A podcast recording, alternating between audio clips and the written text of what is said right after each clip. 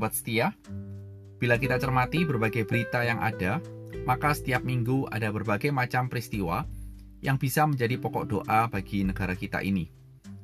Saat ini saya mengajak kita berdoa untuk peristiwa tenggelamnya kapal selam KRI Nanggala 402.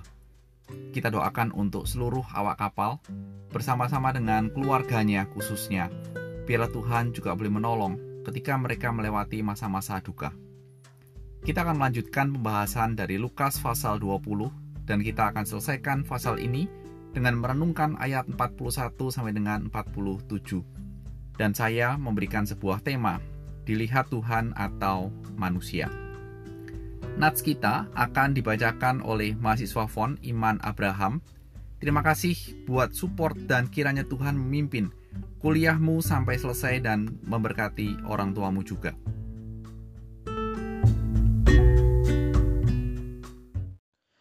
Lukas pasal 20 ayatnya yang ke-41 sampai 47 di bawah perikop hubungan antara Yesus dan Daud. Tetapi Yesus berkata kepada mereka, "Bagaimana orang dapat mengatakan bahwa Mesias adalah anak Daud? Sebab Daud sendiri berkata dalam kitab Mazmur, Tuhan telah berfirman kepadaku, duduklah di sebelah kananku, sampai kubuat musuh-musuhmu menjadi tumpuan kakimu. Jadi Daud menyebut dia tuannya. Bagaimana mungkin ia anaknya pula? Yesus menasihatkan supaya waspada terhadap ahli-ahli Taurat. Ayat yang ke-45.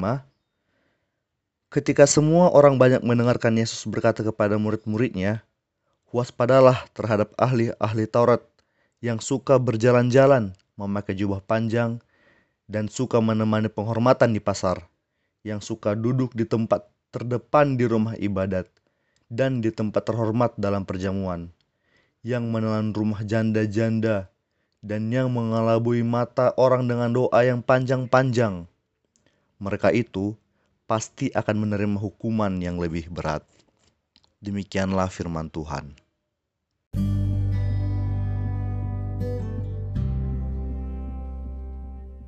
Mari kita berdoa terlebih dahulu. Tuhan Yesus, ketika kami ingin benar-benar mengikut Engkau, hari ini firman-Mu kembali bergema dalam hidup kami. Oleh karena itu, berkati perenungan kami. Demi Kristus, amin. Sobat setia di mana pun sobat setia berada, tahun 2010 ketika saya dipercaya menjadi kepala sekolah, hari pertama saya datang di sekolah disambut oleh kalimat dari seorang security sekolah yang mengatakan, bahwa kepala sekolahnya naik motor. Benar, saat itu saya mengendarai motor fiction, baik untuk bekerja ataupun pelayanan. Mendengar kalimat itu, orang tua saya mengatakan beli atau cicilah mobil untuk bekerja. Terlihat bahwa sebagai orang tua ingin anaknya dipandang. Meski kalimat dari security itu bisa dikatakan ya apa adanya, tidak ada yang salah. Namun realita dalam kehidupan kita memang seperti itu. Orang akan memandang dengan kedua matanya, tidak dengan sebelah mata yang berarti tidak menganggap atau merendahkan. Bila seseorang hidupnya terlihat wah. Apa artinya wah? Seperti memiliki mobil, menggunakan mobil, dan mobil ini pun bisa diperjelas lagi atau bisa diperdetail lagi. Merek apa, tipe apa, karena ada begitu banyak mobil dari harga 100 juta sampai sekian M dan juga dalam hal-hal yang lain. Ternyata prinsip melihat wah itu tidak hanya dalam urusan harta dan kemewahan, tapi dalam urusan keagama pun, keagamaan orang terbawa dengan prinsip ini. Ada yang dalam kegiatan rohani terlihat sebagai pengurus, aktif melayani, ada yang perkataannya selalu dihiasi dengan kutipan-kutipan firman Tuhan, ada yang perilakunya menurut orang sangat baik, tetapi ternyata di balik itu semua, adalah sebuah kamuflase, satu hal yang pura-pura, karena kehidupan nyatanya bertentangan dengan semuanya itu. Hal inilah yang menjadi fokus dari nats kita, bacaan kita hari ini. Setelah otoritas Tuhan Yesus dipertanyakan, usaha orang untuk menjebak dengan memberikan pertanyaan tentang membayar pajak tidak berhasil juga sekarang Tuhan Yesus menunjukkan kepada setiap orang yang mendengar pengajarannya pada saat itu bahwa para ahli Taurat tidak memahami kitab suci dengan tepat. Mereka memahami dan berpikir bahwa Mesias yang mereka tunggu-tunggu adalah keturunan fisik dari Daud, benar-benar anak Daud secara jasmani. Dan anak Daud inilah yang akan menjadi Mesias secara politik dan ini yang ditunggu-tunggu oleh mereka, serta diakui sebagai juru selamat mereka, yang akan membawa sebuah kedamaian dan kemakmuran bagi masyarakat saat itu. Tuhan Yesus mengajarkan hal itu dengan mengajarkan bahwa biarlah mereka memahami bahwa Mesias atau Kristus bukan saja menjadi anak Daud, tetapi juga Tuhan Daud. Hal inilah yang ditekankan supaya para pendengar memiliki pemahaman yang benar tentang Mesias dan tidak tertipu oleh ajaran-ajaran yang palsu.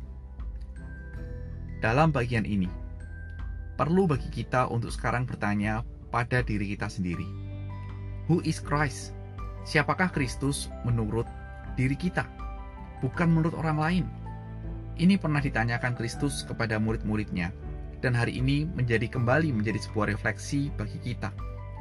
Jawaban kita akan mewakili pemahaman dan mencerminkan relasi serta bagaimana kehidupan kita dalam dunia ini sebagai anak-anak Tuhan. Kalau kita hanya melihat Kristus, Sang Mesias itu hanya pribadi pelengkap dalam hidup kita yang harus ada. Mungkin itulah sebabnya kita menjadi pengikut Kristus, menjadikan Kristus sebagai pembantu kita yang kita cari dan perlukan ketika kita susah atau kita butuh pertolongan.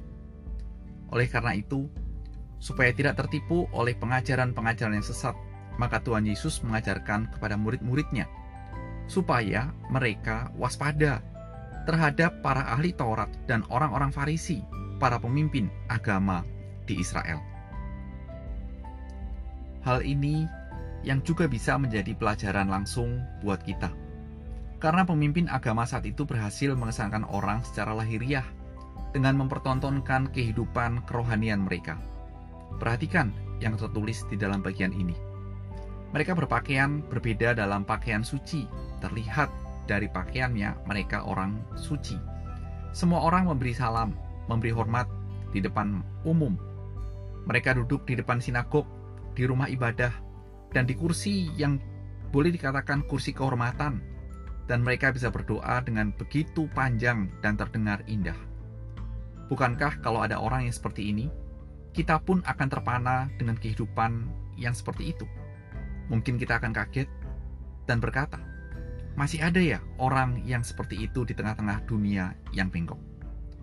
Namun ternyata mereka memiliki hati yang jauh dari Tuhan dan ini celaka. Ternyata hidup mereka penuh dengan kesombongan, keserakahan, dan keegoisan.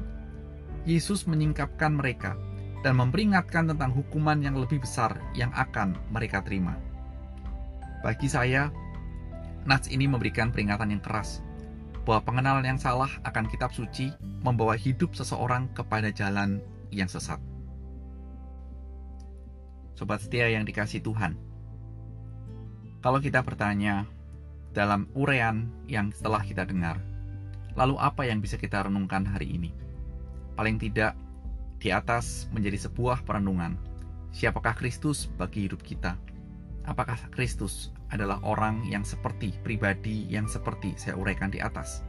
Hanya melengkapi, pelengkap bagi hidup kita. Silahkan jawab itu. Yang kedua adalah, seharusnya bila pemahaman Alkitab kita benar, maka kita akan memilih untuk hidup yang penting dilihat Tuhan, bukan dilihat manusia. Yang penting dipuji Tuhan sebagai hamba yang setia, daripada dilihat oleh manusia dan dikenal sebagai orang yang rohani baik, tetapi ternyata itu semua adalah usaha dari kita untuk mengelabui sesama kita, yang akhirnya hidup kita akan dihukum oleh Tuhan. Celaka kalau kita hidup seperti itu.